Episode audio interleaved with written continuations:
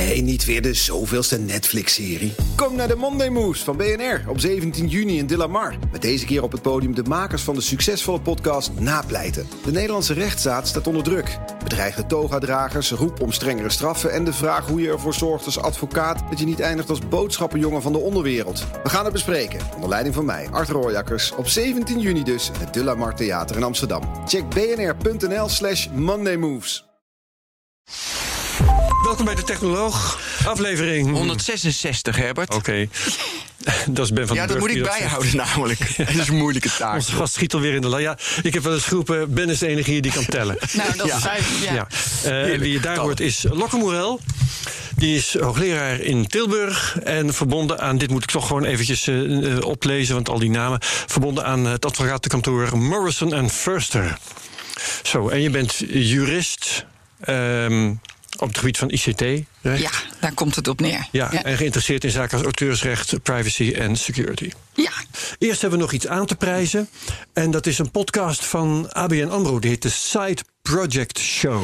En daarin kan je alles, als je ontdekt alles over de mensen achter de IT-gerelateerde side project. Wat ze motiveert. Ja, en waarom gaan zij wel door als iets niet lukt? Nou, dat is toch wel handig. En hoe de omgeving daarop reageert. Ja, eh, dus die kan je luisteren op eh, de nieuwe podcast van ABN AMRO, de Side Project Show. abnamro.com slash Side Project Show. Dat is dat. Oké. En de aanleiding is misschien ook wel even aardig om te vertellen. Dat we je hebben uitgenodigd was een interview in de Volkskrant. eh, dat eh, heel, ehm, eh, heel normaal begon. En op een gegeven moment. eh, Heel vies eindigde. ja, Heel ge- geniepig. Op een gegeven moment eh, bond je de strijd aan met de interviewer... door te zeggen dat de Volkskrant zich wel eens mocht matigen... op het gebied van zijn cookiebeleid. Daar kwam het ongeveer op neer. ja, dat klopt. Ehm, heeft dat muisje nog een staartje gehad? Je- Heb je op je, op je werk nog op je kop gehad? Of je, ben je juist gevierd? Of, Eh, nou, ik heb wel heel veel reacties gehad. Dat, eh, dat interview is echt eh, op Twitter echt zo vaak gedeeld en op LinkedIn. En met allerlei statements erbij. Ja. En, en, en, en eh, overwegend met jou eens? Of mensen houden op met zeuren? Nee, Of- nee, eh, ja, over, eh, allemaal eens. Ja. Ja. ik, ik, ik dacht, nou, ik ben benieuwd. Ook omdat er natuurlijk heel veel bedrijven ook vergelijkbare cookiemuren gebruiken. Dus ik dacht, daar, Mhm. Want, want de, daar komt... de kwestie die je aansneed was... de Volkskrant die schrijft de hele tijd over... eh, nou, mensen moeten wel oppassen voor eh, Facebook en Google... en eh, nou, alle bedrijven die ehm, eh, informatie over ons verzamelen... en dat dan delen met de buitenwereld. Ja. En jij zei, de Vo- Volkskrant jongens, jullie doen hetzelfde. Ja, jullie doen precies hetzelfde. Er Stond, eh, deze week stond er, vorige week stond er ook over dat hè, zoveel gemeentes allemaal eh, cookies van DoubleClick Ja, en terwijl zo. ze het eh, vaak zelf niet eens weten. Dat vond ik wel heel grappig. Dat dus eh, van alles binnenkomt... en dat een, een websitebouwer van de gemeente dat niet eens overziet. ja, nou dat was klopt. En dat, Nou, dat, eh, Plus ze weten denk ik niet dat de, zeg maar, de interesse cookies, zeg maar de follow cookies, Ja. dat, moet bij, dat moet per default uitstaan. Maar heel veel weet, weet het niet. En de laatste jaar, want ik doe alles, ik kijk altijd de cookies, Ja. hoe zijn ze ingesteld. Ja. En het is echt. Van jouw bedrijf bedoel je? Nee, gewoon. Als- ik op een site als, kom. eh, Kijk, ik Ja. zoek heel veel op. Dus ik kom natuurlijk heel vaak die cookie vol. En ze mogen alleen maar, weet je, dat de website goed werkt. Dus nou, die moeten per default aanstaan. Maar per default moet de rest uitstaan. Per Ja. default. Doet bijna niemand. Maar. Nou, ik Nee, denk ook wel eens echt. Nee, maar steeds meer, steeds mee, meer. Het begint, nee, maar het begint Jongens, te er komen. is een Ga verder trend. met je betoog. Ja, er is een trend. Een jaar geleden stonden default stonden die allemaal aan. Ja. En ik hou het precies bij. Ik heb een Excel-sheet hoeveel dat is. En eh, je Ja. ziet gewoon een, een, een afname van per default staat het nu uit. Ja. Ik noem een heel makkelijk voorbeeld. Nu.nl stond altijd aan sinds twee maanden. Ik weet niet precies, ik heb niet precies. Maar Ja. eh, staat nu uit. Ja. Dus ik vind de, de hele campagne eromheen dat het niet mag, heb jij veroorzaakt, Lokken. Nou, dat nee, is maar ik denk ook internationaal. En de Nee, nee, internationaal nee, zou nee, nee, invloed nee, hebben. maar ik heb, je hebt wel... Kijk, ik, ik heb dit heel lang aangezien en me helemaal doodgeërgerd... dat we wetten hebben die dit zeggen dat dat niet mag... en dat iedereen dat collectief... Ja. eh, terwijl elke wet, als iemand zou zeggen... je overtreedt de wet, dan zou iedereen zich aangesproken voelen... en ook de NRC en de Volksstand zou denken... jeetje, overtreden we de wet? En hier, ik, they ignore it en, en, en doe nog alsof het... eh, hè, en dat anders hun bestaan... eh, dat ze ten onder zouden gaan en het gratis nieuws... eh, Dat, daar- dat is ook een, een argument dat eh, in het spel komt dan. Jongens, als wij de wet niet overtreden in dit geval, dan verdienen we te weinig. Ja, dan gaan we failliet. Hè? Dan is het einde van het gratis nieuws enzovoort. En dat is gewoon niet waar.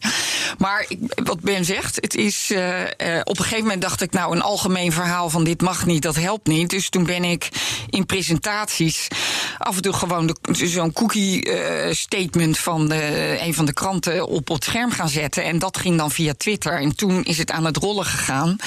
Waarbij eh, ja, het NRC heel boos was. En eh, dat ik dat zei. Maar op jouw punt van ze weten het niet, toen ik liet zien wat ze echt deden.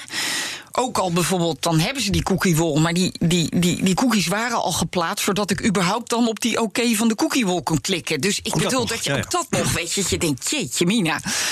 Eh, hoe simpel kan het worden? En, eh, maar even terugkomen op die gemeentes. Ja, ik lees dan in de Volkskrant weer. Hè, het is agressieve volgcookies, dit, dat. eh. en, en, en dan nog steeds is het zo dat de Volkskrant zelf die cookiewol heeft. Ja, dat was- dat was wel leuk, dat- want- nog steeds, hè, ook na, dan- naar aanleiding van dat artikel. Dus het is wel Bij het artikel zelf, dat Ja. heb ik eh, even hier eh, bij de hand. Daar eh, werd een reactie geplaatst van DPG Media, dat is de persgroep. Dat is dus de uitgever van de Volkskrant. Het data- en cookiebeleid heeft continu onze aandacht. Dat was een reactie op, eh, op eh, dat interview waarin je al die dingen zei. Op dit gebied handelt DPG Media zoals de rest van de markt. En binnen de kaders van de wet en regelgeving. Wij verkopen geen data aan derden. Wij herkennen ons, dat vind ik altijd de prachtigste zin. Wij herkennen ons dan ook niet in de cijfers die Locomorel noemt in dit interview. Desalniettemin staan wij altijd open voor dialoog. Want ideeën ter verbetering zijn natuurlijk welkom. Oké, eh, ben ik benieuwd. Want jij had gezegd, jongens, wat jullie doen is in strijd met de wet. Dat Ja. spreken zij dus tegen. Ehm, zijn jullie het nog eens geworden? Is die dialoog er gekomen? Nou, niet met mij in ieder geval. Kijk, in, dit, in dit artikel over de gemeente zegt de Volkskrant zelf... Hè, de, de journalisten zeggen dat daarvoor toestemming nodig is en, enzovoort. Dus het is... Het is zonder meer. eh, eh, nou, even terug. Eén, ze, eh, de markt begint te veranderen. Dus dat ze in lijn zijn met de markt is niet waar. Ik denk dat ze langzamerhand de enige zijn die het nog niet doet. Dus goede toestemming vragen, dus dat Ja. is interessant. Twee, ik weet zeker dat ze een brief van de AP hebben gekregen en dat ze eh, bezig zijn eh, om zich daar te verdedigen. Ja, oké. Eh, maar het derde is dat ik denk, omdat zij in een soort AP is autoriteit persoonsgegevens. ja. Ik denk dat zij in een conctie zitten met RTL en Sanoma. En daar zijn allerlei afspraken. Dus het zou best wel eens kunnen dat ze contractueel verplicht zijn om al die data te delen. En dat ze daar niet zomaar uit kunnen. En niet zomaar eenzijdig dit beleid kunnen veranderen. Omdat ze dan hun contractuele Dat verplichtingen is een vermoeden dat je hebt. Ja, dat is wat ik denk. Want ik, ik, ik, nou ja, ik vind het opvallend dat iedereen het nu verandert, behalve de Volkskrant. Dus, Hou je dat eh, in de gaten? Zit je constant nieuwsites te nou, bespieden? nee, maar nou ja. ik, ik lees de Volkskrant en eh, dan popt hij weer op. En dan denk ik, eh, ik heb notabene een abonnement. Het moet niet gekker worden. Nou, een hele interessante NOS bijvoorbeeld, ook zo'n voorbeeld. Die hadden wel, eh, zeg maar, alle cookies moest je wel netjes, weet je, zeg maar, ja, nee zeggen. Ik snap niet dat iemand dan ja zegt, weet je wel, voor... Het schijnt 10% te zijn, hè? Maar nu Maar, hebben dat, ze die alles klikken op eraf alles. Die, Maar die nu hebben ze alles. eraf gehaald. Dus ik vind ook van de NOS, vind ik dat wel, ja, mooi. Ja. Voor alle cookies weg. Ja. Nee, in de ster is ermee opgehouden. Nee, het, is, het begint echt wel. eh, maar dan nog zie je de, de trucendozen wel. eh, eh, hè, de FD bijvoorbeeld heeft dat je drie kliks moet doen. En die, dat is niet. De ene button is heel eh obvious en die andere is grijs en eh, bijna niet zichtbaar en kleiner. En dan moet je drie dat, dat is klikken. het nudge. Ja, Ja, het nudge, precies. Ja, de, de, jaarknop is altijd mooier en groter Ja. en duidelijker Ja, dan een ja, nee-knop. ja, ja, ja. Maar het interessante aan jouw betoog vond, vond ik ook dat jij eh, kenbaar maakte dat de inkomsten niet minder worden. Je zei 10% geloof Ja, ik. 5%. Ja, 5% in advertenties. tot, tot 5 procent. Dat je, dat je Ja, omzet dus dan heb je alleen maar vermindert. contextuele advertenties. Ehm, Ah, dat is initieel dit, hè? en Even- daarna is het gelijk. Ik vond dat toch wel, heb je daar cijfers van onderzoeken? Nou, er is niet een onderzoek eh, waarin dat helemaal eh, geïnventariseerd is. Maar alle voorbeelden waarvan ik weet dat ze het gedaan hebben, Zoals? is, is dit het eh, resultaat. Nou, NRC en Ster zeggen het zelf ook, hè? Dat het lang. kijk, de krant. Je hebt een papieren krant, daar heb je inkomsten uit je eh, Abonnees. en je advertenties. Dan heb je het stukje online, dat is 40% of nou ja, zoiets, hè? Daar heb je je inkomsten van je abonnementen. En je hebt dan de online adv- advertising. En van dat stukje online advertising gaat het ongeveer initieel minder dan 5% naar beneden. Dus tussen de 3 4%. Dat, Dat is wat je haalt uit dat, eh, dat volgen. Het beter targeten. Ja, dus dat je meer advertentieinkomsten hebt. Maar als je eenmaal overstapt op dat contextuele en je zet de analysecapaciteit, dus de artificial intelligence, het algoritmes in om goed te kijken wat wordt er nou goed aangeklikt bij wat voor soort content. En we weten natuurlijk steeds meer over die content. Of het nou, en er zit veel meer bij filmpjes zit allemaal metadata met dit.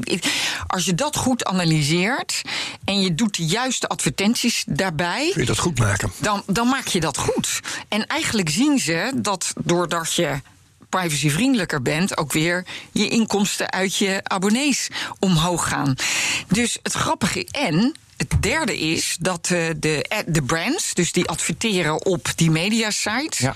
uiteindelijk een betere kliks krijgen. En, Oké, conversie krijgen. ja, Nee, maar, eh, eh, ja, dus het gekke is, het gaat niet uitmaken. En maar waar de, prof, de profilering zich van verschuift, is op het individu. Dus dat je kijkt, Lokker, wat is jouw profiel? En dan proberen ze daarop willekeurig welke site daarop te targeten. Terwijl eigenlijk, als ik ergens zelf naar een bepaalde site ga die ik interessant vind qua context. En als je me daar pakt, zie je dan dat het kwalitatief wel eens betere en ik meer ontvankelijk ervan kan zijn, voor kan zijn, omdat ik die site leuk vind. Dus de profilering gaat naar de sites en Ja. naar de content in plaats van op. Ja. Ja. En, ehm, Maar Ja. waar maak je je druk om? Want eh, je bent eh, advocaat, je houdt je bezig met security, je zit bij een groot kantoor, je bent hoogleraar. Eh, dit, wat je, zoals je nu dit betoog houdt, ook de manier waarop, eh, wekt de indruk dat het niet gaat om eh, wetenschappelijk standpunt of iets dergelijks. eh, laat staan een commercieel standpunt vanuit je commerciële werkgever, maar om een bepaalde bevlogenheid, om niet te zeggen ideologie. Ja. Is dat zo? Nou, dat, nou, als je dit hele ecosysteem overziet, waar we zeggen, eh, eh, er is een impact op de privacy omdat die data maar overal is, dan is, is, moet je altijd naar de, de, de gateways kijken, waar de triggers zitten waar je aan kan draaien. En dat zit ook altijd waar het geld wordt verdiend. Laten we eerlijk zijn. En ehm, nou, wat, als je eenmaal dat ecosysteem een beetje overziet, dan zie je dat ja, als een bedrijf, als jij als, als, als, als mediabedrijf data verzamelt over in de FD-website of op je BNR-website. En je doet daar wat mee om je, dien- je diensten te verbeteren en, je, en, het aantrekkelijk te maken voor, voor de bezoekers. Ja, ik heb daar geen bezwaar tegen. Dat is ook het lolletje van de nieuwe digitale wereld. Als Google dat doet met zijn zoekmachine. Of met zijn weet ik wat, een dienst die ze aanleveren, ook goed. Maar wat gebeurt er nu is dat de Googles, die al heel veel data hebben, omdat ze zo ongelooflijk veel digitale diensten, die Ja. fantastisch zijn, hè, mind you. Ja. Maar wat ze doen is door daar een advertising-industrie omheen te hangen. Maar geven ze ook nog eens cookies op al die mediasites, op alle websites. En romen daar ook nog eens de data van af. Kan je je voorstellen wat een easy manier het is. Eerst moet je diensten verlenen om die data te krijgen. En nu room je gewoon de hele wereld nog eens een keertje extra af. En dat voeg je allemaal samen om nog verdergaande profielen te maken. Om nog meer advertising eh, eh, inkomsten te genereren. Ja, nou, dat- dat- ecosysteem dat werkt met die tracking tegen. En als je daar bij die gate kan intappen en zeggen van joh, zullen we daarmee ophouden, dan, dan gaat dat hele ecosysteem gaat onderuit. Ja, ehm, maar je kunt een. Gaat, on, gaat onder, toch wel gaat onderuit, want eh, net zei je nog: het, het eh, je omzet niet wezenlijk aan. Ja, ik heb er wel geen bezwaar dat ze advertising-inkomsten hebben. De vraag is met wat voor data en profilering eh, wordt dat gepowered? En je kan die advertenties heel goed op een andere manier poweren zonder al die profilering eh, te doen van die individuen. Hè, en die profielen worden uiteindelijk weer overal op een soort grijze zwarte markt eh, verkocht. Dus dat, als je daarmee op kan houden, bescherm je, krijg- krijgen we ineens wel een hele andere wereld. Ik hoop dat je dat ziet. Ja. Jawel. Ja. Maar alleen ik vraag me af. ehm, Google is een, uh, hoe heet het ook weer, beursgenoteerd bedrijf. Ja. Die kun je moeilijk kwalijk nemen dat ze proberen hun winst te maximaliseren. Want stel dat het zou gaan om 5% extra. Nou, dat is op de beurs is dat wel degelijk van betekenis. Ja, nou, ik denk dat Google inmiddels. Uh, nou, even een andere kant van dit ecosysteem. Hè. Je hebt natuurlijk de, de, aan, de, aan de websitekant heb je, moeten ze toestemming vragen voor de cookies. Maar je hebt de browserinstellingen waarin je kan zeggen, nou, by default weigeren we, of he, weigert uh, voor jou alle third-party tracking cookies. Nou, op nu staan al die browserinstellingen op accepteer al die cookies. Dat, de meeste browsers zijn nu overgegaan naar een default van weigeren. Chrome van Google die heeft aangekondigd nu, dus dit zijn de grote veranderingen in dit ecosysteem, dat ze ook overgaan naar by default weigeren. Ja. Nou, dat, dan moet je dus, dat is een fantastische instelling. Het is net zo ingrijpend als, uh, herinner ik me, rond 2000 dat Internet Explorer opeens ophield met uh, na heel veel druk en, en andere browsers die hetzelfde waren gaan doen met, met pop-ups. Precies. Weet je dat nog? Precies. Dat is, uh, ja, dat is revolutionair. Ja, revolutionair. Dus Chrome is om. Nou, Chrome die gaat over twee jaar om. En waarom gaan ze pas over twee jaar om? Ze kunnen echt wel nu om. Is omdat ze dan natuurlijk hun hele, hele advertising-ecosysteem anders gaan inrichten. Hoe dus dan? Meer... Gaan ze dan inrichten? Nou, ik denk dat ze gaan stoppen, of althans, dat ze veel meer uh, de analyses gaan maken over inderdaad de website zelf en de, de context. Dat kunnen zij ook door hun search. Kunnen ze natuurlijk ontzettende bijdrage leveren aan waar zijn mensen naar op zoek. Mm-hmm. En dat relevant maken en ontsluiten voor de websites. Om dat contextueel uh, te gaan, uh, gaan, gaan uh, poweren, of hoe zeg je dat? Ja, nou, onderbouwen. Onderbouwen. Ja. Dus ik denk dat zij bezig zijn met een hele rehaul van hun ecosysteem in die advertising. Om het op een andere manier in te richten en niet meer met die tracking cookies. Ja. Dus dat, het, het, al deze druk heeft wel degelijk uh, effect. En we zitten daar in een kantelpunt. Ja, dat, dus dat jij is wat denkt ik denk. dat uh, het, zeg maar, dat je een, een tweede persoon hebt, dus Ben, en je hebt de virtuele Ben, want Google weet precies Ja. wat ik denk, voel enzovoorts. Dat uh, die dus het profileren van mensen, dat dat weggaat. Nou ja, dat is Omdat wel... ze dat minder goed kunnen. Omdat die third-party cookies, ze kunnen mij niet volgen over, uh, uh, ze kunnen mij niet overal volgen. Ja, en ik denk dat het de makkelijke manier is. En ik denk dat ze onder, ondertussen ook wel doorhebben dat het misschien helemaal niet altijd even goed werkt. Dat het die andere manier misschien wel eens beter kan werken. Dat is toch ook wel interessant, hè? Dus alleen en het grappige is dat die innovatie pas komt als je dingen gaat verbieden. Ja. Ja. Nou ja, en weet je waarom ik dit ook zo interessant vind? Want we hebben het nu over, weet je, Facebook, Google, dat weten we allemaal. Maar wat je bij heel veel bedrijven ziet, is toch wel het model heel erg van dat ze aan een, weet je, dat, dat ze de conversatie met de klant beter Ja. willen hebben. En dan willen ze de klant beter in kaart brengen. En dan hebben je je loyalty kaart. Als je een beter een loyalty kaart hebt, Ja. maar liefst volgen ze ze ook, kopen ze data ergens anders om het klantenprofiel nog meer te, uh, om het klantenprofiel nog meer te verrijken, zodat ze nog beter dat contact met die klant kunnen hebben. Maar eigenlijk is dat dan een achterhaald model.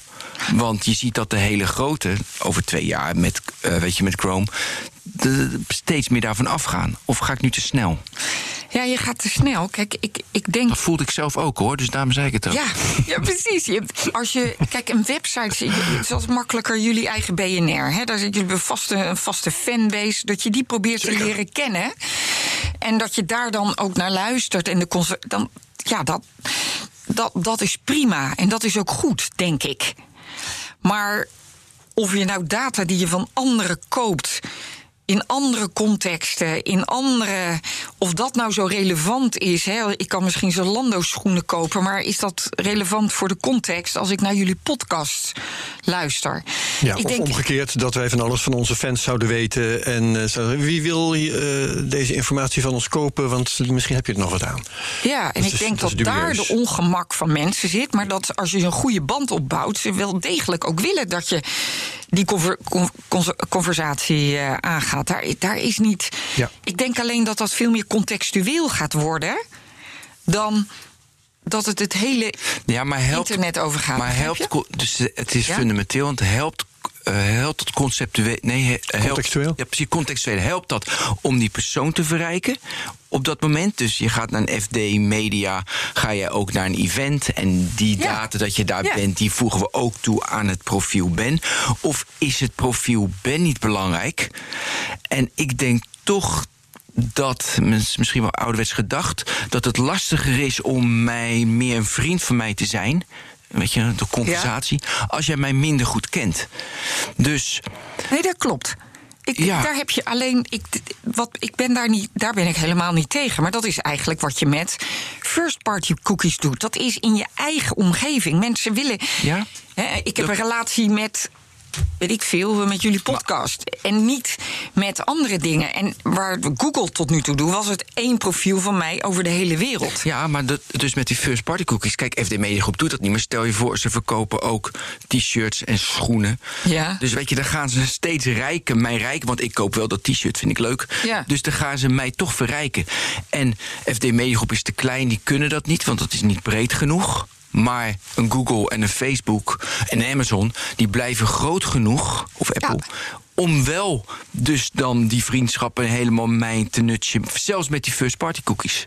Ja, jij zegt, joh, het is een oneerlijk, als ik het even vertaal, een oneerlijk speelveld. Want de kleineren hebben dan niet de gelegenheid om mij goed te leren kennen. En de grote kunnen dat wel, waardoor zij Ja.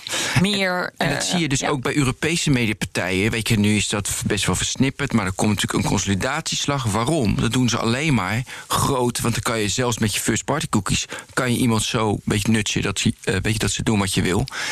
Dus eh, ik weet niet of dat... Dat zal een oplossing zijn, maar het is maar een, een fractietje. Denk Nou ik. ja, ik denk dat dat de reden is dat er zoveel druk is, ook i- zelfs in Amerika zou ik zeggen, om dit soort grote partijen Op op te ja, splitsen. En veel beter hè, dat niet meer alle verschillende data van al die verschillende diensten van die bedrijven bij elkaar mogen ge- worden gevoegd, maar dat je per soort dienst dat apart moet houden Mhm. eh, om dit soort dingen eh, te voorkomen. Maar laten we wel zijn, ja, oké. Ik, ja, ik heb een andere vraag. Eh, heb jij, we hebben het he- over de hele grote, dus dat snap ik. Ja. In jouw praktijk, hoe goed zie jij dat niet van die grote big tech, maar gewoon de, ja, zeg maar een miljard, twee, drie miljard omzet? Ja. Hoe goed zij zijn met hun hele databeleid en het, nou, ja, het- ja, gewoon het databeleid. Hoe goed ze hun klanten in kaart kunnen brengen. Nou, wat het is, ik, ik denk dat ze heel veel kunnen en dat je helemaal niet zo groot hoeft te zijn. Ik bedoel, een NRC weet heel goed wat voor type mensen zij eh, als lezers hebben en op hun site komen. En die, daar, daar kunnen ze fantastische analyses op doen. Ik, ik, hè, daar heb je echt niet nog de data van, van Google voor nodig. Ehm, ik zie langzamerhand, en dat is het goede van meer bewustwording bij de burgers, dat het echt ook een competitive advantage is, dus een voordeel in de competitie, als je goede privacy Ja. dingen hebt. Ja. En dat was vroeger, was het bijna niet aan te tonen dat er een soort return on investment was op goede privacypraktijken. En dat begint te keren. Er was net een rapport van Cisco, die had een onderzoek gedaan, dat de investeringen die je doet in privacy eigenlijk meer rendement opleveren dan de kosten van de investeringen. En dan wordt het natuurlijk Ja. Hoe relevant. weet je dat, vraag ik me af. Nou, dat hebben ze. eh, er is net een rapport hadden ze gemaakt. Maar dat, dat was heel lastig. Ik heb daar natuurlijk altijd naar gekeken. Ook om bedrijven te overtuigen van joh, kijk, dan zie je dat het geld oplevert als je het goed doet. Hoe dan? Nou, doordat ze gewoon, als je een goede privacypraktijken hebt, eh, eh, dat mensen zich je beter vertrouwen. En dat je meer omzet eh, genereert. Dat, dat, ja, dat daar mensen dat op afkomen, om Ik zo wil- te ja. zeggen. Of, of langer bij je blijven, wat dan ook. Ik wil toch nog even hoe goed ze het in kaart brengen. Jij zegt de NRC heeft het goed in kaart. Maar ik denk gewoon aan bedrijven als de Action, BMW, eh, Gamma. Gewoon van dat soort praxis. Yo, naar mijn idee is maar een indruk. En daarom vraag ik het aan jou. Ja. Hebben die dat hebben die hun klant helemaal niet? Het is allemaal legacy systemen. En het Ja. is één rotzooi aan de achterkant. En het is niet gekoppeld. Weet je, dan gaan ze middeleeuws bouwen om dan toch nog iets te doen. Eh, Mijn ervaring is juist dat het nog best wel matig is.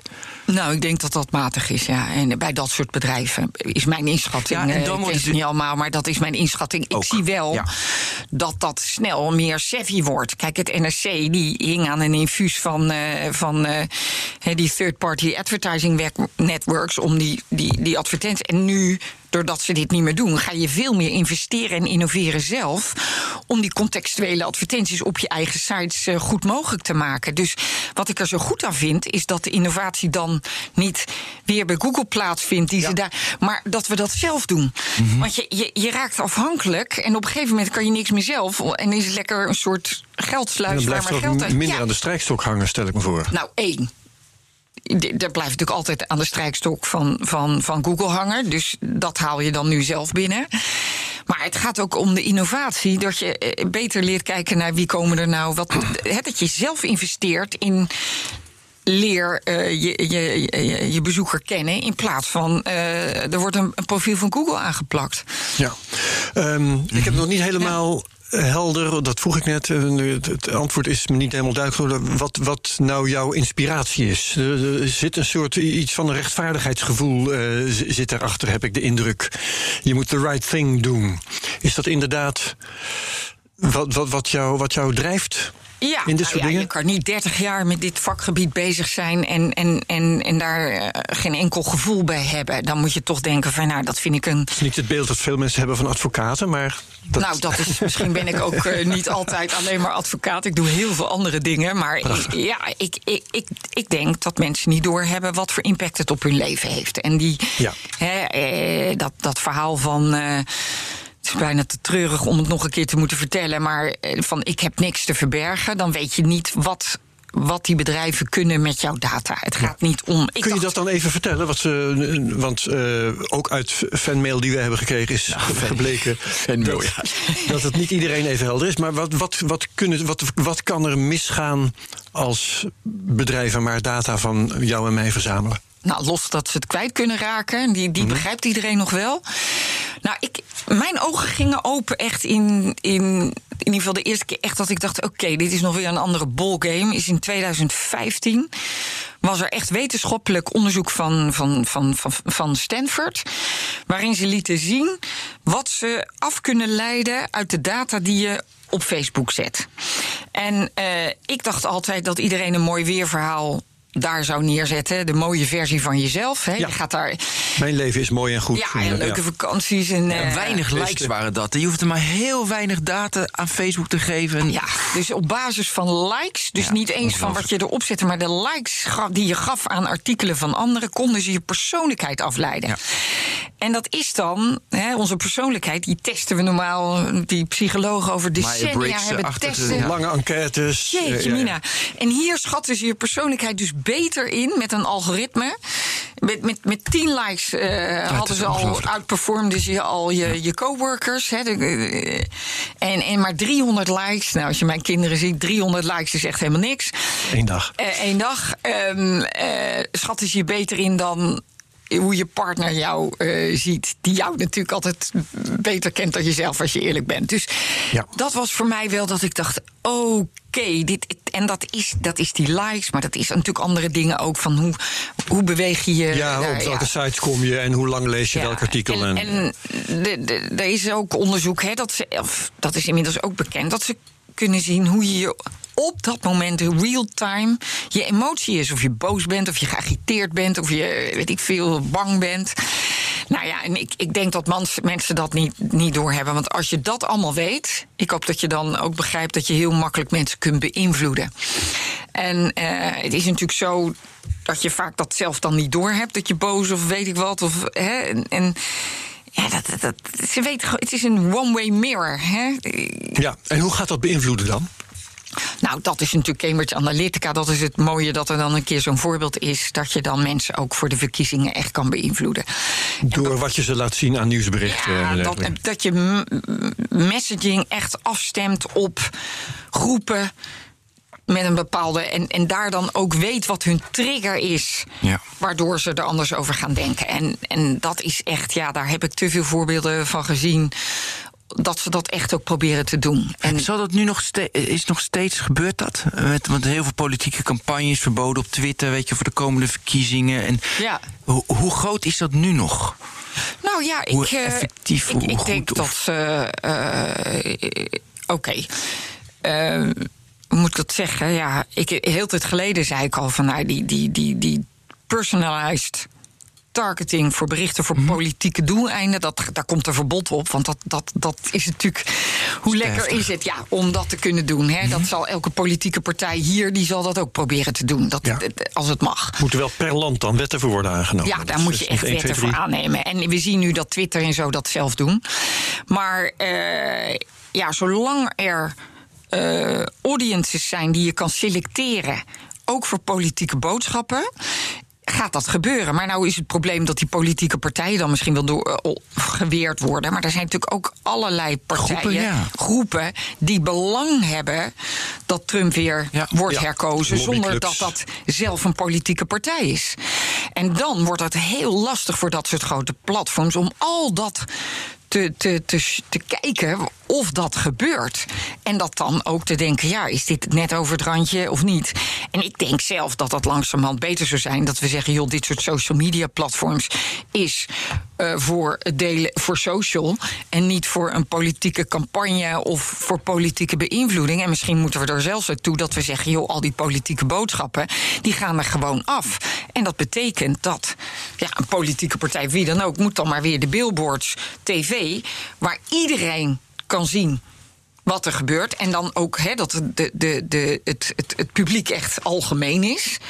Zodat je ook het debat weer krijgt Ja. over wat we dan van die uitingen vinden. In plaats van dat het zo goed in aarde valt bij een bepaald.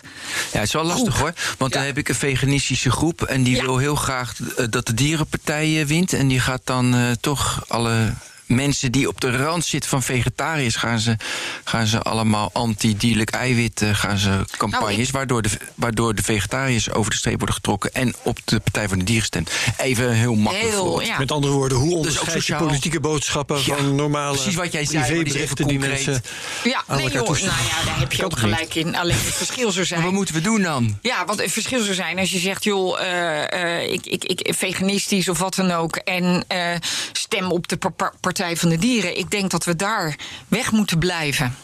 Uiteindelijk. Want het is niet te controleren. Het is zo groot en zoveel boodschappen. En ja, je ziet toch dat Ja. het eh, het verschil kan maken in de verkiezingen. En we hebben nu al, eh, met de wetgeving die we nu al hebben, godzijdank, hebben we nu al een probleem met handhaving. Wat jij al signaleert, want de Volkskrant overtreedt eh, jarenlang de wet eh, en niemand heeft het ook maar in de gaten. Laat staan dat een instantie het in de gaten zou hebben en dan al dan niet actie zou ondernemen. Ja. Nou ja, je ziet toch die AP, die autoriteit persoonsgegevens. Ja. Dat is toch. Ja, ze hebben dan nu heel. In alle sectoren van de samenleving waar veel overtredingen zijn, hebben ze er volgens mij de belangrijkste uitgepakt. En die aangeschreven in de hoop. Voorbeelden kentering. stellen. Ze hebben een ja, prioriteitenlijst, hebben ze, ja. ja, en dat kan niet anders. Want Dus overheden, één uit mijn hoofd, medisch twee, eh, Ja. enzovoort. ja, maar het is niet te doen. Ze moeten dan achter elk Ze bedrijf hebben in 120 Nederland aan. man. Ja, ze hebben 120 man in dienst. Dus Ja. dat is ook kansloos, ja. Dus ze moeten gaan, ja, we moeten op een andere manier die, die, die enforcement ook gaan Hoe dan? organiseren. Nou, maar een van mijn voorstellen is, die ik al heel lang geleden gedaan heb, is bij misleidende reclame kan als de ene bedrijf zegt dat zijn luiers droger zijn en het andere bedrijf vindt dat dat niet waar is, dan is er een kort geding. Dus die handhaving is ook tussen marktpartijen. Nu bijna al die marktpartijen wel overgegaan zijn. Hè, naar, naar eh, goede toestemming vragen. Zou je kunnen zeggen: het is een oneerlijke eh, eh, situatie in de concurrentie. dat de Volkskrant als enige nog het voordeel heeft dat ze dat wel hebben. Dus dan zou het NRC een actie kunnen beginnen tegen de Volkskrant. Jij moet ook je aan de wet houden, want anders heb ik een nadeel. Dus Ja. in alles. En ik denk dat Dat is, privacy. dat is een soort privatisering van de handhaving. Ja, maar dat is in bijna al dit soort concurrentiegevoelige dingen is dat een gegeven, behalve in de privacyregels. Daar is het een fundamenteel human right. En dan moet het individu gaan procederen. Nou, dat is nogal wat. Of een privacy-actiegroep, hè, zoals we met eh, Siri hebben gezien. Eh, Want en, en, en de AP moet dan alles handhaven. Ja, dat is natuurlijk niet meer van deze tijd. Dus ik, en het grappige is, dat hebben ze bijvoorbeeld ook in Duitsland. En dat, ik denk dat we dit ook gaan krijgen. Ik heb het al een paar keer voorgesteld, ook uh, bij uh, wetgeving hier. En volgens mij gaan ze dat ook wel oppakken. En dat is natuurlijk ook de weg. Dit is niet te doen. Dus je bent uh, kruidenier bij wijze van spreken... en je merkt dat je concurrent een loopje neemt met privacyregels... en daar geld aan verdient, dan, dan lap je hem erbij. Ja, maar zoals jij zegt, met die kleine partijen die uh, zich dan wel uh, aan de regels houden en de grote techbedrijven die zich niet aan de regels houden, zou het ook zo moeten kunnen zijn dat een aantal van die bedrijven dan ja. zeggen: ik, ik procedeer. Want ik kan niet bestaan omdat jullie de wet overtreden. Ja, nou, dat is een hele verre... En dan? Kijk, ik heb een paar podcasts of 10, 20, 30 geleden... Weet je, ja, dat weet ik niet meer, maar de AVG... Ik, 160 podcasts ja, ik. had zo, uh, dus, dus, ik had zo'n lijstje dat, uh, dat, het, dat, het, dat de topadverteerders... Facebook, Google, die uh, gebruikbaar advertenties... dat die door de AVG gewoon vlak, niks gedaald... en dat de, de, zeg maar, de 50 tot en met 200 adverteerders alleen maar diep dalen. Want die met AVG hebben ze last. Dus dat vind ik wel, nou, vond ik typisch wel een voorbeeld. Typisch voorbeeld. Erger nog, uh, het is zo dat uh, bijvoorbeeld uh, de security-eisen die heel streng zijn, hè, maar met de cloud-diensten, ja. dat die grote bedrijven natuurlijk zoveel geld hebben om dat dan nog weer. Ja, dat kunnen ze doen. Ja, dus dat het, het, het, het, zelfs het, het, het, de GDPR is eigenlijk een competitive voordeel van dit soort grote bedrijven, omdat ja. zij de, de, de, investeringen kunnen, kunnen doen. doen. ja. ja, het is echt erg. En dat is ook dat is wel uitgerekend, zag ik. Uh, en, en dat blijkt echt een competitief voordeel te zijn. Dus. Upload filter idem dito. Ja. Ja. ja. Maar ja. Um, het is, uh, valt mij een bepaalde strijdigheid op. Je, je zegt uh, als je, je concurrent zich niet aan de privacyregels houdt, dan kun je daar als, ja, als concurrent bezwaar tegen maken. En civiel of. of, of nou, civiel. Strafrechtelijk weet ik dat niet. Oké, okay, civiel. civiel. Um, maar daarnet legde je uit dat, dat je, als je je aan de privacyregels houdt, dat het juist een voordeel is. Ja. Dus eigenlijk zou je je concurrent moeten uitlachen. Haha, jij uh, schendt de privacyregels, maar ik doe dat niet en ik verdien er gewoon veel meer geld bij. Ja, nou ja, dat dus hangt. Dat hangt het, het kan allebei zo zijn. Hè. Je hebt bepaalde situaties waarin het duidelijk een nadeel is. Als iemand vette wet schendt en jij uh, uh, daar last van hebt. En in zijn algemeenheid zie je dat als partijen meer gelijkwaardig zijn en betere uh, contextuele uh, opties ja, hebben. Ja, dus met mediapartijen, wat je bedoelde. Ja, ik vind dat is, ja. ja. maar we zijn nu iets breder voor. Met media hebben ze wellicht, ook niet alle mediapartijen naar mijn idee, dat je als je alleen maar contextueel dat je voordeel hebt. Ik noem dat NSC als voorbeeld, maar ik kan me ook voorstellen dat, uh, en ik denk kleinere partijen, ben je een lokale krant, ja, dat is een beetje, ja, ja dat snap ik, maar grotere niet. Maar uh, ik zit veel meer van. Wat doe je nu? Je gaat met een competitie dat iemand schendt de wet, bijvoorbeeld op privacygebied. En dan ga je tegen Google procederen. Ja, en dan? Dus dan krijgt Google een boete weer van 2,3 miljard. Nou, het, ja, het voordeel van, de, het voordeel van uh, gewoon de rechter is, nu ook met Siri, zegt ja. die rechter, het is onverbindend en je mag dit niet meer doen. Hè? Kijk, een rechter kan gewoon zeggen, je hebt een verbod om, uh, je mag, en dan moet, en dan met een dwangsom en weet ik wat. Dus dan, dan moeten ze gewoon stoppen met die, en dan moet je, dat kan echt. Ja. Siri is uh, voor de goede orde, want sommige mensen oh, zullen dit na maanden horen, weet je wel, een podcast wordt maandenlang nog. is het systeem waarmee de overheid uh, potentiële overtreders van wat ook weer. Fraude. Fra bijstandsfraude. bijstandsfraude alles, ja. uh, ging signaleren met, met kunstmatige intelligentie en dergelijke. Dat was, uh, ja, dat en nu snap ik er één niet, want ze zeiden het is geen AI, het is gewoon een beslisboom.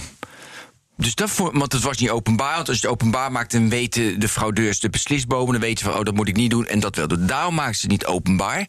Maar het was wel. Ik weet niet of jij dat weet. Ik heb gelezen in de krant dat het geen AI was, maar een beslisboom. Dacht ik, ja, dat is ook wel. Okay, ja, kan, nee, het, is, het, is, lastig, maar uh, ik kan het wel even uitleggen. Ja. De overheid zegt hè, dat uh, uh, ze koppelen al die bestanden, al die overheidsbestanden ja. van uh, de Belastingdienst, van ja. nou ja. En dan, toen die wet geïntroduceerd was, was het de bedoeling dat ze naar discrepanties gingen kijken. Hè? Dus je kan dan zien, ik heb een huis in eigendom en ik heb huurtoeslag. Gek. En dan gaan ze dat opvolgen en bekijken. Maar je hebt natuurlijk ook wel, als je al die fraudes van uh, hoe heet het, uitkeringen hebt gezien, dan weet je wel langzamerhand dat als iemand ook schulden heeft, dat de kans dat je natuurlijk fraude pleegt daarmee groter is.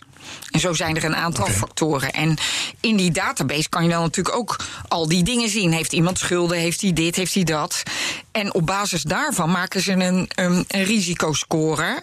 En dan gaan ze verder onderzoeken. Dat, dat, dat is hoe het systeem was. Toen die wet werd geïntroduceerd, werd daar volgens mij niet artificial intelligence. Het klinkt nog allemaal heel, heel ja. 0 en 1. Ja. Gewoon heel. En daar is ook veel draagvlak voor om dat soort vergelijkingen te maken. En daarom ging die wet er ook als uh, een klokje doorheen. Daar, daar was niet veel. Ook had de Raad van State daar wel kanttekeningen bij geplaatst. De Raad van State had terecht allemaal kanttekeningen die ze genegeerd hebben... en waar het nu ook allemaal op nat is gegaan. Dus dat is een les voor de volgende keer. Maar, uh, uh, en de, het punt is dat ze natuurlijk daar nu met de nieuwe dingen artificial intelligence op zouden kunnen zetten en dan nog meer inzichten kunnen genereren. En dat kan onder die wet. Eigenlijk is dat daar is dat wel mogelijk. En daarvan zegt de rechter nu: maakt niet uit, niet uit of ze het toepassen of niet. Uh, uh, want. Uh, het kan wel en daardoor is die wet veel te breed geformuleerd. En, ja, het kan allerlei bias insluipen, heeft, heeft de rechter gezegd. Ja. leg eens uit hoe. Wat zeg je? Hoe, hoe kan er bias insluipen? Dus dat er, uh, uh, ja, ik zal maar zeggen, verkeerde, denk, verkeerde weging van uh, of iemand kans maakt om inderdaad fraude te maken. Nou, dat is daar in die rechtszaak helemaal niet aan de orde geweest, omdat de rechter zegt, joh, het maakt niet uit wat ze nou precies doen. Het hele punt is dat we niet weten wat ze doen. En daar hadden ze transparant ja, over ja, ja. moeten zijn. En dat zijn ze niet. Vooroordelen en dat zijn ze niet. Ja, bias krikt in, echt in als je echt AI uh, gebruikt, waardoor het uh, algoritme zeg maar, van de rails kan raken. Dat, ik denk dat dat hier was dat helemaal die vraag was helemaal niet aan de orde. Nee, maar okay. ik snap ook niet. In principe, jouw eerste versie die je vertelde, zonder een, een AI erop te zetten. Je hebt gewoon alle soorten data van huurtoeslag, uh, ja. noem allemaal maar op. Je hebt het naar huis. Gewoon mijnoverheid.nl ja. staat ja. alles op. Dat heb je. Ja? Dat is het begin. Dan heb je wat je eruit wil halen is of iemand fraudeert. Ja. Simpel op het gebied van, en dan kan je ook weer zeggen, uh, dat is met zijn huurtoeslag en ja. dat is al die data die je in het begin erin zet. Nou, dat, en, en hoe ze dat dan, die verbanden leggen, ja, ik snap dat je dat niet openbaar maakt, want dan gaan ze daar natuurlijk mee spelen. Ja, daar, daar wil ik echt, daar ben ik ja, dus zo niet mee eens. ik, ben aan het zoeken. Ik ben ja, aan het zoeken. Ja, maar dan ga ik, ik ga proberen te helpen. namelijk wel een ja. oplossing hebben voor de overheid. Want nu, ja. weet je, we willen ook die fraudeurs niet, terwijl het maar 774 miljoen was. Weet je, totaal de laatste vijf jaar. Dus dacht ik ook van, wat een gedoe allemaal. Uh, ja, dus even te zoeken hoe nou, het dan wel moet. Help kijk, er is dus zonder meer en, en, en, terecht dat de overheid probeert iets aan die vrouwen te doen. En da, dat ondermijnt, ook als er grootschalige fraude is, ondermijnt dat de, de samenleving. Daar is geen twijfel over en dat zegt die rechter ook. Maar als je een, uh, een inbreuk op de privacy, uh, dat, dat mag. Als er maar dan aanleiding is toch. hele strenge randvoorwaarden. Ja. En dat is dan op basis van het Europees Verdrag van de Rechten van de Mens. En één daarvan is dat het echt voorzienbaar is in de wet. Dus dat burgers op basis van die wet kunnen begrijpen wat er nou precies wordt gedaan. En uh, dan de achtergrond daarvan is, en, is dat mensen hun gedrag daar dan ook op aan kunnen passen. Wat doet in deze ja. wet is het. We gaan het allemaal geheim houden. Dat is de default. Want anders gaan ze hun gedrag erop aanpassen. En dat ah. is nou precies het verschil in denken hoe het zou moeten. En het gekke is, wat ga je dan gamen? Ga je dan stoppen met schulden hebben? Want die had je. Ik, mijn punt is. Je wil met uh, dit soort dingen fraude voorkomen. En dat is het doel van hè, waarom je bepaalde systemen in. Het is van joh, we controleren goed, zodat mensen geen fraude plegen. -hmm. Hier is het, we houden het lekker geheim, want dan kunnen we je lekker pakken. En dat is een, een, een, een, een verkeerde default om te beginnen. Nou, ik denk dat het uh, controleerbaar moet zijn. En daar is, dat vindt ook, uh, weet ik zeker, de rechtbank. Hoe en, dat systeem werkt moet controleerbaar ja, zijn. Natuurlijk, ja, want het moeten objectief, objectieve factoren zijn. En uh, ik, ik denk dat we gaan lachen als we die beslisboom zijn, zien. Want dat is dan iemand die. Dat denk ik ook, ja. Ja, ik denk dat, dat het eerder pijnlijk wordt als je de beslisboom ziet. En dat zijn dan dingen als, joh, iemand heeft schulden, iemand heeft dit. Het is de combinatie van factoren waardoor er een grotere kans is dat. Maar het echte punt is dat als je dadelijk ook nog de algoritmes er echt op loslaat, dan wordt het steeds voorspellender. Dan krijg je ook andere dingen die erin komen. En er is ook nu een, nog weer een nieuw wetsvoorstel om ook data van private partijen daarbij te gaan betrekken. Okay. En dan, ja, dan moet je echt hele goede afspraken hebben over de transparantie, over hoe die. En dat dat controleerbaar is. Daar kan je niet zo, zo wegstoppen. En mensen voelen zich er heel ongemakkelijk bij, want dat zie je hoeveel weerstand er tegen is. Dus dan zou bij wijze van spreken je uitgavenpatroon bij de Weekamp zou er ook ingestopt Ja, natuurlijk. En, en ja, uh, je, je, bankrekeningen en uh, of je wel of niet een garagebox hebt uh, gehuurd, weet je wel, uh, als je bijstandsuitkering over hebt. Over privacy gesproken. Over privacy gesproken. Dus, mm -hmm. En daar is ook allemaal nog wel wat voor te zeggen, maar mits dat heel transparant, controleerbaar. Dus volgens mij kan het heus allemaal wat ze willen. Ja. Maar er moet een nieuwe wet komen, specifiek, die daar de, de echte randvoorwaarden voor geeft. En hoe zou die wet eruit moeten zien? Nou, um, een samenwerkingsverband heeft echt een concreet plan waarom ze denken dat uh, dit een goede combinatie van data is om dit en dit te gaan uh, onderzoeken. En uh, dit is het algoritme hoe we dat willen gaan trainen. dit is een Data Protection Impact Assessment waarin we alle dingen afwegen. Die deden ze nu ook niet, hè? Dus mm -hmm. per project deden ze geen impact assessment. Nou, dat is gewoon de wettelijke verplichting. En dat, dat gaat over je rechten als burger? Nou, wat, wat je doet met zo'n uh, meting is dat je zegt: oké, okay, dit is wat we gaan doen. Dit zijn alle risico's die we kunnen bedenken en impacts op individuen, ja. op wat dan ook. Dit is hoe we voorstellen om dat te mitigeren. Dan doen we een risicoassessment. Laag risico gaan we door, hoog risico. Maar even voor, ja. voor uh, mijn beeld van de zaak: wat voor risico's? Risico's dat je verkeerd beoordeeld wordt als, uh, als burger, risico dat de data die op deze manier worden gecreëerd op straat komen te liggen. Moet ik aan dat soort dingen denken? Zijn dat de risico's? Ja, alles. Ja, ja, ja. ja. Dus okay, zowel dus dat, dat, dat je moet allemaal kwijtraakt, dat er, te, uh, dat er verkeerde mensen Nee, bij kijk, kunnen. Uh, dat, dat er- geautoriseerde mensen er iets verkeerds mee doen. ja, Ja, want hè, dat de ook. insider risk. Dus dat de werknemers die er zelf bij kunnen voor de goede reden er toch iets anders mee doen.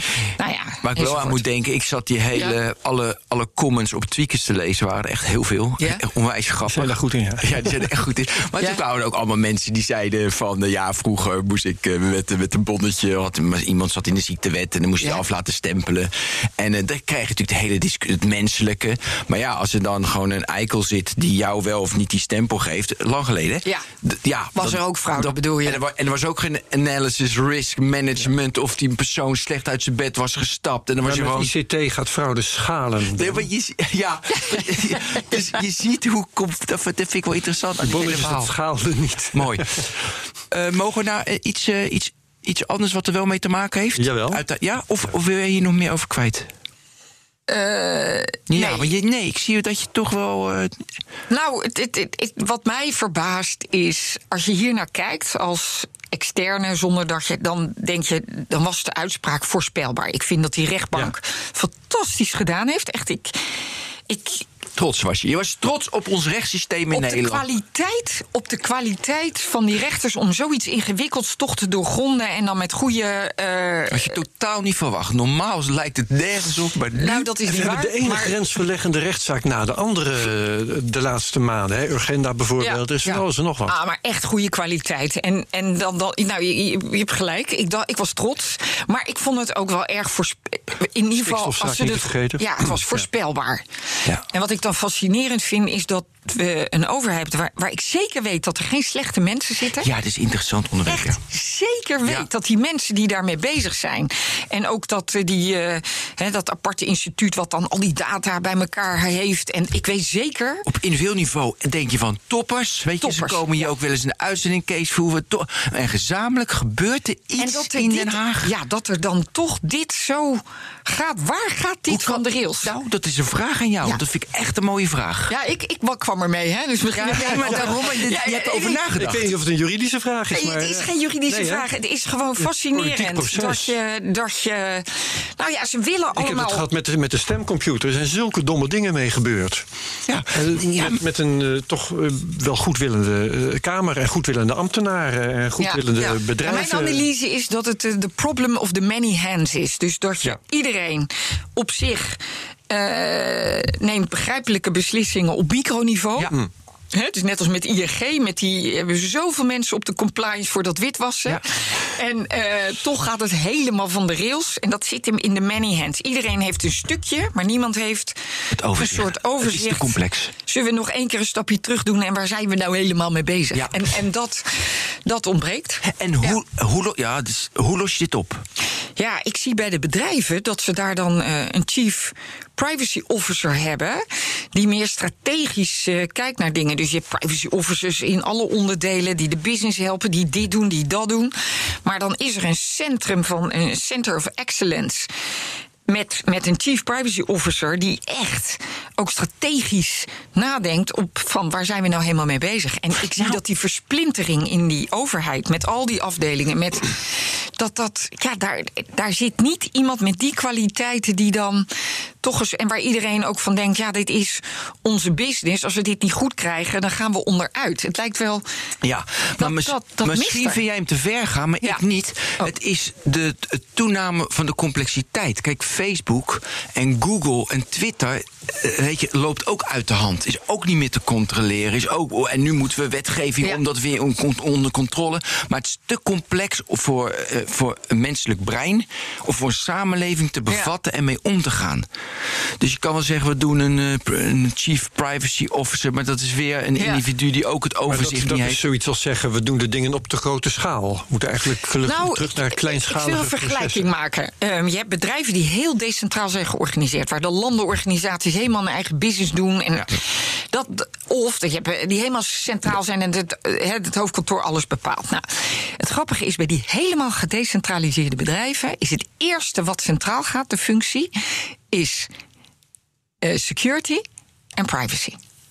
En is dat goed of niet? Ja, omdat je het goed. niet meer. Ja, omdat je dit soort dingen anders niet kan voorkomen. Je moet een beleid hebben, omdat de ICT aan elkaar geknoopt wordt. Moet je security centraal in gaan regelen. Want anders is er altijd het laagste putje. eh, het is zo goed als, eh, wat is het? eh, De weakest link, hè? Ja, ja. Dus, ja. ja, nou, je weet hem. Later zoekt het laagste punt op. Ja, en eh, dat- dat geldt ook voor privacy. En ik zie bij de overheid dat, ja, dat alles nog in die verschillende ministeries, terwijl ondertussen de ICT wel aan elkaar geknoopt is. Eh, ze willen hier fraude opsporen, niet alleen belastingfraude, maar ook uitkeringfraude. En die, die uitkeringen zitten in al die verschillende eh, eh, departementen, maar ook, weet ik veel, aparte publieke of organisaties die publieke taken hebben toegewezen gekregen. Dat zit dus allemaal verdeeld. Ja. En niemand is er die dat totale overzicht heeft. Hè, die, de chief security officer en de chief privacy officers, die, die missen daar. Om dat te coördineren. Dus ja, ik, ik ook in het. eh, de Cybersecurity Raad die heeft al honderd keer gezegd dat moet meer coördinatie, er moet meer dit voor het cybergedeelte. Maar ik denk dat dat voor het privacygedeelte net zo goed geldt. Toch weet ik niet of ik, of ik goed snap eh, waarom Ja? dat dan goed werkt. Want ehm, we hadden het net over eh, als, als die processen op een grote schaal plaatsvinden, dan raak je juist het overzicht kwijt. En gaan er dingen mis. En dan zeg jij, die security en privacy moeten juist wel centraal geregeld worden. Dan, dan Nou, je hebt, zit je toch te hoog in je helikopter. En, en Ja, Ja, het is een team. Hè? Dus je hebt Ja. op het. eh, al die organisaties moeten hun eigen privacy officer hebben. En, en eh, ze hebben ook functionarissen van de gegevensbescherming. Maar die zitten heel erg in een soort uh, controlerende rol. En wat ik mis, en daar heb ik ook net weer een artikel over geschreven, is dat ja, je moet hier eigenlijk innoveren op de compliance. Dan moet je dat soort mensen in je innovatieteams hebben. Als zij een nieuw project opzetten voor Siri, ja. moeten die compliance mensen in het design van het project zitten. En niet dan dat laten gebeuren en dan later, later. een controle doen. Ja, dan weet je zeker dat het niet goed is opgezet. En ja, dat vergt een andere mentaliteit, ander denken. En ja, zover is de overheid gewoon nog niet. En dan zie je dat dit soort dingen. Ja, het concept dat je. dat de minister of, ja, zegt van. Uh, we hebben toch een goede kaderwet en uh, uh, dan is het goed genoeg. En dat je een project start en dat je daar dan niet een assessment op los zou hoeven laten. Terwijl daar de details zitten van hoe je dat gaat invullen. Ja, dat is voor mij onbegrijpelijk. Ja. Onbegrijpelijk. Nou ja, wat je ziet, weet je, vroeger maakte je gewoon iets moois en, en dan keek je wel wat er wat ermee gebeurde. En daarna kwam natuurlijk dat je de, de user experience meeneemt en de design meeneemt. En toen kwam ethiek moet je meenemen. Nu moet je privacy meenemen. Dus het wordt de, alle facetten die iets een service mooi maken of niet mooi, of, wij, ja, of die je gebruikt, ja. worden er wel steeds weer meegenomen. Maar dan moet dus nog meer. Met privacy zie je ja, dat toch minder. Die kleine design, dus de data scientists nemen heel veel design choice architecture decisions. En op individueel niveau zijn die misschien allemaal best begrijpelijk. Maar het totaalplaatje waar, waar je dan naar kijkt. Ja, hebben ze niet. Hè, dat werkt niet. Nee. Um, en dan kom je met de controleparadox. Want dat stond in dat in dat Volkskrant-artikel. Ja, vond ik boeiend. Kun je het even vertellen? De controleparadox, ja. Nou, het, het, werkt, wetgeving werkt niet altijd uit zoals je zou verwachten. Toen de veiligheidsriemen in de auto's werden geïntroduceerd. Harder rijden. Dacht iedereen, ik voel me veiliger. Ja. En gingen ze harder rijden. Dus iedereen dacht dat je minder ongelukken zou krijgen, maar er waren net zoveel ongelukken.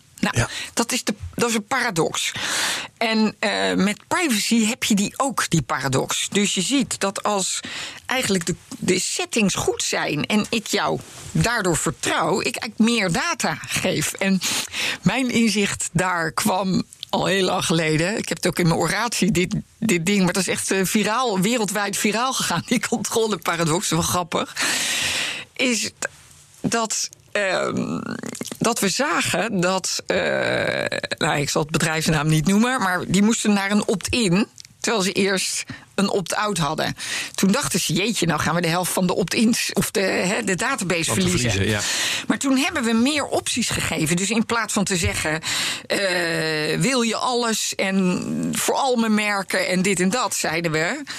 Uh, je kan kiezen, eh, wil je inschrijven op deze producten of deze producten, of alleen events, of wil je alleen de nieuwtjes over het bedrijf. En toen ze meer controle en keuzemogelijkheden kregen, kregen ze veel meer opt-ins. Dus ze verloren helemaal geen data. En kregen ze meer specifieke informatie over mensen. Natuurlijk. Ja, hoe grappig is dat? En het idee daarvoor kwam omdat ik overal nee op zeg. En ik kreeg van, uh, nou ja, ik zal maar bekennen dan, van Christies kreeg ik uh, uh, mogelijkheden om een keuze te maken wat ik dan wilde krijgen van hun. En nou, ik zal niet zeggen welke, welke categorie ik aanklikte, nou, maar tot me, de sieraden, de antieke sieraden. En, uh, en tot mijn grote verbazing merkte ik dat ik dat aanklikte. En dat was voor mij dan, ik ben natuurlijk toch een wetenschapper, aanleiding om daar verder te. Ik dacht, dat, is toch interessant. Dat ik het nooit doe. Ja. Zelfs ik doe het. Hoe kan dat nou? En toen ben ik dat gaan toepassen in allerlei uh, uh, werk met cliënten. En toen gingen ze testen, dat noemen ze AB-testen. En toen bleek elke keer dat dat zo was. Ja. En toen kwam er nog een inzicht. Deze is te leuk. Maar uh, Axiom is de grootste databroker in Amerika. Nou, daar heeft zelfs de Amerikanen hebben daar problemen mee. Je kan er voor 10 dollar cent kan je een data per e-mailadres kopen wie over 10 jaar uh, diabetes uh, gaat krijgen. Oh, en, lekker. nou, daar, en toen zei ze: Oké, nou kom dan maar kijken. Dus daar gingen we allemaal kijken. En dan stond er nou, Lokke Morel, uh, twee kinderen, getrouwd, uh, twee uh, katten. Hé, hey, ik heb twee honden. Twee honden. Begrijp je? Ja. Gingen ze verbeteren en uh, hobby's, uh, uh, weet ik wat. En ja, tennis ook hoor, weet je. Dus dat je dat zo toevoegt. Dus mensen gingen toevoegen, verbeteren. In plaats van het te wissen. En hoe kwam dat? Omdat ze het idee dat je het morgen kan wissen Ja, geeft een veilig gevoel. Geeft een veilig gevoel. En dan denk je, nou, dat doe ik morgen wel. Ja. Zo heeft Facebook ook een fantastische wisknop voor het hele account. Geeft mensen een heel goed gevoel. Maar ja. Maar niemand gebruikt hem. Of bijna niet, hè? En, en als ze hem wel gebruiken, dan weet je echt dat ze er niet in willen zitten. Dus dan kan je het maar beter ook eh, laten gebeuren. Dus de paradox is, als je goede controls geeft, een dashboard met eh, en mensen niet dwingt. Nou, in die principes werk ik nu met bedrijven, maar ook bijvoorbeeld, ja, die, en, bijvoorbeeld de NS geeft nu veel meer mogelijkheden om te zeggen: dit is wat ik wil, dat. En dan zie je dat mensen denken: ja, dat wil ik. Of ik kijk even of ik het wil, en dan kan ik het altijd morgen weer veranderen in mijn dashboard. ja. En dat, dat werkt heel goed. Ja, ik wil nog even terug naar eh, de, de cookies en de toestemming en zo. Ja.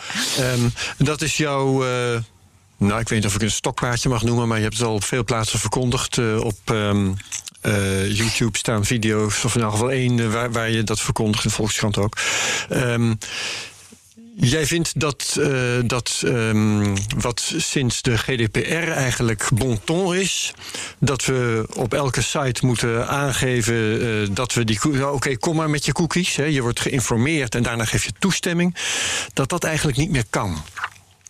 Nou, ik Waarom denk, niet? Ja, ik denk dat het niet meer werkt. En, en, Mhm. eh, dus je hebt het, hè, de, de, de cookie walls, daar ben ik tegen, omdat dat niet aan de regels van de toestemming voldoet. Maar ik ben eigenlijk na al die jaren tot het inzicht gekomen dat de hele grondslag van toestemming hier in deze, voor dit soort dingen gewoon niet werkt. Dat is jammer, want we hebben net een zwaar bevochten wet liggen Ja. waar dat in staat. Precies. En eh, de bottom line is dat iedereen, al die bedrijven zich aan het focussen zijn op hoe eh trick ik iemand in toestemming geven. Hè?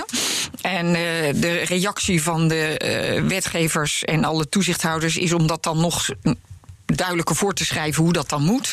De Belgen en de Engelsen hebben net gezegd... er moet één een button komen van...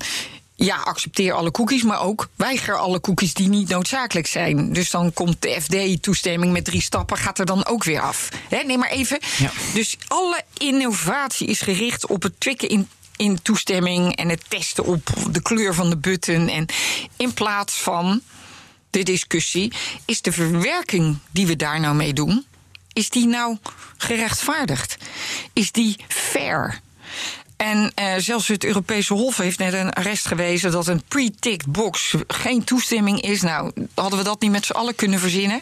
Gaan we daar het Europese Hof voor Want inschakelen? er zitten, er zitten overeenkomsten achter die je geacht wordt te lezen. En je verklaart ook dat je ze gelezen hebt, maar je leest ze niet. Dat is Nee, en hoe het werkt. Ja, en dan kan je zeggen, eh, klagen over die lange dingen. Maar eigenlijk zou het zo moeten zijn dat je ze ook niet hoeft te lezen. Als ik een auto koop, krijg ik er een handleiding van eh, vuistdik bij. Ik moet ervan uit kunnen gaan dat dat een faire dingen zijn. Dat daar dan niet dat ik dat moet lezen. Dat er dan in staat eh, dat ze mijn moeder verkopen. Begrijp je wat ik bedoel? Eh, Of repelsteeltje dat ik mijn eerstgeboren kind weggeef. Ik, het punt is dat onze consumentenregels maken dat je daarop kan vertrouwen dat dat faire voorwaarden zijn en dat je ze ook niet hoeft te lezen.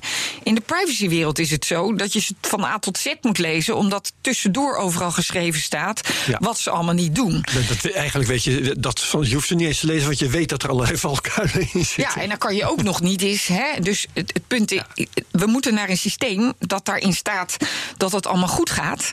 In plaats van dat je het moet lezen om te weten waar je allemaal staat gaat. wel, in, in de AVG staat wel dat het wel heel duidelijk moet. Het is nog steeds veel te lang enzovoorts. Maar Ja. AVG verplicht wel Ja. dat het heel Maar duidelijk is. we moeten naar een systeem dat de verwerking zelf fair is. En dat de overheid en onze regelgevers gewoon zeggen wat er dingen die niet, niet mogen. Hè? En, en dat de, de, de wetgeving weer de rol terugpakt van regelnormzettend. In plaats van als je nou maar toestemming hebt, dan mag alles. Ja. Hè, meer zoals, dat zeg ik ook in die stukken, misleidende reclame. Het is misleidend of het is niet. Het is een gerechtvaardigde verwerking of het is het niet. En als die niet gerechtvaardigd is, als het misleidende reclame is, mag je dat niet oplossen door toestemming te vragen. Begrijp je dat? Ja, en wat dat- moet er dan veranderen, wil het zover komen... dat ik inderdaad die privacyvoorwaarden niet hoef te lezen... omdat, het, eh, omdat ik ze eigenlijk al, op voorhand al weet dat het goed is? Nou, dat, het, dat we ophouden met eh, dat er meer duidelijkheid is wat dan een gerechtvaardigd belang is, wat mag en niet mag. Ja. En daar moet veel meer guidance over komen en ook jurisprudentie en weet ik wat. En dat je toestemming alleen mag vragen als. Ja, eigenlijk al voor bepaalde specifieke dingen die dan over zijn. Maar. eh, eh, we moeten terug naar, naar, naar die norm. En niet van. Als Ja. ik maar je toestemming heb, als ik maar die klik heb, dan is het goed. Zeker. Maar moet dat eh, groeien op een of andere manier? Zijn er inderdaad processen voor nodig die links en rechts gevoerd moeten worden? Je zegt jurisprudentie. Ja, Eh, nou, of kan dat bij- ook vanzelf toch- zo gaan? Ik, eh, Zoals dat, hè, want, want je zegt terecht, bij, bij automobielen weet je gewoon, nou, die, die is veilig. En als een auto niet veilig is, dan is het een gigantisch schandaal. ja, precies. Eh, terwijl het in de eh, ICT-wereld eigenlijk andersom is. Hè. Je bent eh, zeer verbaasd als in privacyvoorwaarden geen rare dingen staan. Ja. Ehm, dus hoe, hoe draai je dat om? Nou, daar zijn ze ook wel. Wat voor sociaal proces, wat voor maatschappelijk proces is daarvoor nodig? Nou ja, in Europa is inmiddels eh, eh, een AI-actieplan. En daar zetten ze in wat ze denken dat ze gaan reguleren de komende tijd. Nou, een van de dingen daar is bijvoorbeeld bij online diensten en weet ik wat. Dat ze nu. Tot nu toe kon je in de voorwaarden ook zeggen: je hebt helemaal geen beveiliging van je, van je apparaat. Ik noem maar ja, wat. ja, ja, ja, er heeft, heeft ook wel eens iemand in, eh, in een voorwaarde gezet. eh, wie eh, wie eh, bij deze bepaling aankomt, krijgt 1000 dollar. Het heeft drie jaar geduurd voordat ze dat geld moesten weggeven. ken ik niet leuk. Ja. Nee, maar wat ik wil zeggen is dat, dat ze daar op bijvoorbeeld security nu gewoon eisen gaan stellen. En dat je niet contractueel met consumenten kan zeggen: Nou, eh, ik, ik, je krijgt geen security. Er moet gewoon basissecurity zijn die in orde is. Dat is wat je qua conformiteit kan verwachten. En daar zijn dan ook de regels op. Je kan dan niet in die voorwaarden zeggen dat het wat minder is. Nou, dat moet met privacy ook. We moeten veel meer zeggen van dit is wat de consument kan verwachten. En dan heb je in die privacyvoorwaarden staat dan... en weet u nog, dit is wat u kan verwachten... in plaats van eh, dit is hoe we je, je privacy De ondermijnen. gaan gooien. Ja, ja, ja. Dus daar moeten veel meer basisgrenzen zijn over wat in dit soort diensten. En daar, daar gaan ze wel, daar gaat het wel naartoe. Alleen Dat je ziet dat een- dat ja, een, een tijdje duurde. Ja, Ja. dat- maar dat is dus een proces in jouw visie dat vanzelf plaatsvindt, dat eigenlijk al begonnen is. Ja, we zitten in een, in een transitieperiode. hè, En daarom noemen ze het ook de digitale revolutie. Waarin je ziet dat alle gebruikelijke normen die we hadden. weer vertaald moeten worden naar de, naar de nieuwe situatie. Ja. en dat is waar we nu in zitten. En dat levert heel veel frictie op. Ja, dat is duidelijk. En daardoor ook heel veel lol Ja, nou. en interessante discussies. Eh, Herbert, Jij was naar de tijdwezen kijken, geloof Ja. ik. Hoe staat het daarmee? Hoe staat het met nummer We zitten op een uur. 166? We zitten op een uur. We zitten op een uur. Ja. Ja, ik had het Even nog. snel kijken. Ja, dus ehm, mag ik nog één vraag stellen? Ja. Ja, dus de laatste tijd hebben ehm, de, de grote techbedrijven die doen net, ik chargeer expres, eh, of ze nu wel be- eh, begaan zijn met privacy en met hun gebruikers. Dus dan gaat Instagram bijvoorbeeld de, de like-knop weghalen. Ja. Maar dan zeggen ze van ja, dat doen we om 12-jarige meisjes te beschermen. Nou, dat doen ze helemaal niet om 12-jarige meisjes te beschermen. Hoe, hoe kijk jij ernaar? Hoe, hoe eh, ethisch? Dus worden ze ethischer of is het alleen maar een eh, PR? Nou, ik, ik, ik denk dat al die bedrijven. eh, die, die, die, they push die envelope. En kijken dan waar het. Zeg maar, het echt op weerstand stuit in de maatschappij. Of, of, of echt wel negatieve effecten heeft. En hoe ver ze kunnen gaan. ja, en daarmee schuiven ze de, de, de maatschappelijke normen op. En dan gaan ze wel een stukje terug. Maar ondertussen schuiven ze die normen alsmaar op aan waar we aan gewend, eh, waar we aan gewend raken. En dan blijkbaar Een beetje het nieuwe. omgekeerde proces van wat je net zei. Het komt Ja. vanzelf goed. Ja, nou, maar laten we even hier blijven. ja, ja, ja. Eh, dit- en, en dit is er één met die likes. Dat wat iets wat in het begin, hè, degene die ook die like-knop had verzonnen, dat, het leek het eigenlijk heel erg leuk. Want het geeft een beetje feedback op wat er geplaatst wordt. Wat, wat is er. Ik, ik had het in het begin ook dat ik dacht: hoe erg is dit? Maar op een gegeven moment zie je dat er, zeker in jongeren, dat hoeveel likes je krijgt ook afhangt niet zozeer van de post en de inhoud ervan, maar hoe populair je bent.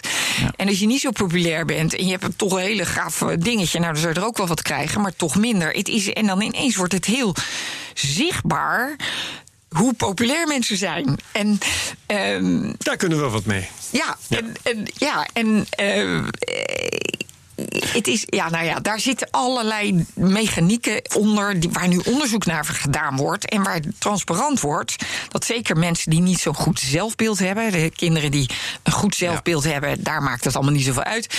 Maar degene die wat dat minder hebben, dat dit een, een, een devastating consequenties kan hebben. En als je dat soort informatie eenmaal krijgt als bedrijf, triggert dat natuurlijk ook een zorgplicht. Ja, je kan gaan wachten op, op wetgeving. Of je kan wachten tot iedereen heel boos wordt en zegt: Jezus, wat, wat, wat doe je daarmee? Of je kan dan op een gegeven moment wel gaan kijken van nou, welke alternatieven, hoe gaan we dat dan weer opnieuw inrichten? Dat we er, en dat daar ook commerciële belangen bij spelen. Nou, uiteraard. Maar dat je op een gegeven moment als bedrijf je ogen niet dicht kan doen voor echt dat je iets niet goed doet, ja, dat, dat voelt natuurlijk ook niet goed dan. Dus daar, Ja. het is niet zo dat ze daar helemaal alleen maar uit commercieel oogpunt naar kijken, denk ik. Ja, maar, goed, het dat mijn heel veel vragen op. eh, want, want zorgplicht, zeg jij. Zie jij dan een tijd komen dat sociale netwerken in de gaten moet houden wie er weinig likes krijgt, eh, om die dan vervolgens te Nee, helpen niet op individueel niveau, maar wel dat als jij dat systeem faciliteert. Mhm. Hè, je had het over de Oeganda-uitspraak. Op een gegeven moment, of met de roken. Als je op een gegeven moment weet dat iets heel schadelijk is. en je blijft maar het pushen. dan zegt zo'n maatschappij op een gegeven moment. en de rechter. nou, dan heb je gehandeld in strijd Ja. met de zorgvuldigheid die je betaalt. Dat is een onrechtmatige daad. Nou, dat geldt met al dit soort dingen. Hoe meer inzicht je krijgt. en dan komt er een tipping point waarin. Ja, je ook wel aansprakelijk Ja. kan, kan worden en dan is het mooi meegenomen dat het een voordeel is dat als je geen likes doet, dat influencers heel groot worden. Want ze krijgen, want ze kunnen die likes niet zien, ze kunnen ze wel zien, maar ze, eh, eh, dan worden, dus ze worden de influencers. Dus je hebt meer dat mensen zeg maar stories gaan toevoegen. Ze gaan zelf toevoegen, want anders volgen alleen maar die hele grote. Dan heb je zelf weinig likes en is het minder interessant.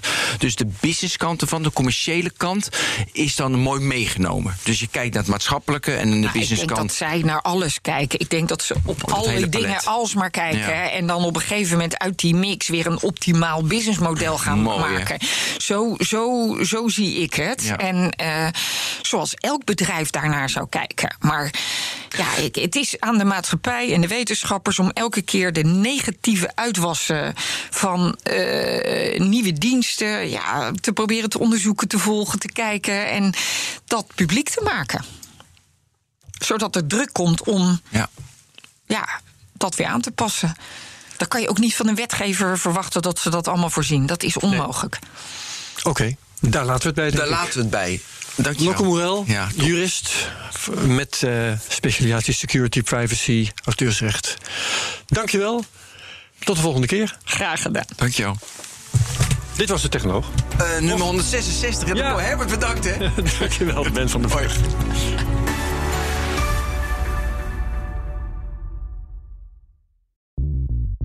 Bij BNR ben je altijd als eerste op de hoogte van het laatste nieuws. Luister dagelijks live via internet. Bas van Werven. En heel langzaam komt de zon op rond dit tijdstip. Je krijgt inzicht in de dag die komt op BNR, het Binnenhof in Nederland en de rest van de wereld. De Ochtendspits. Voor de beste start van je werkdag. Blijf scherp en mis niets.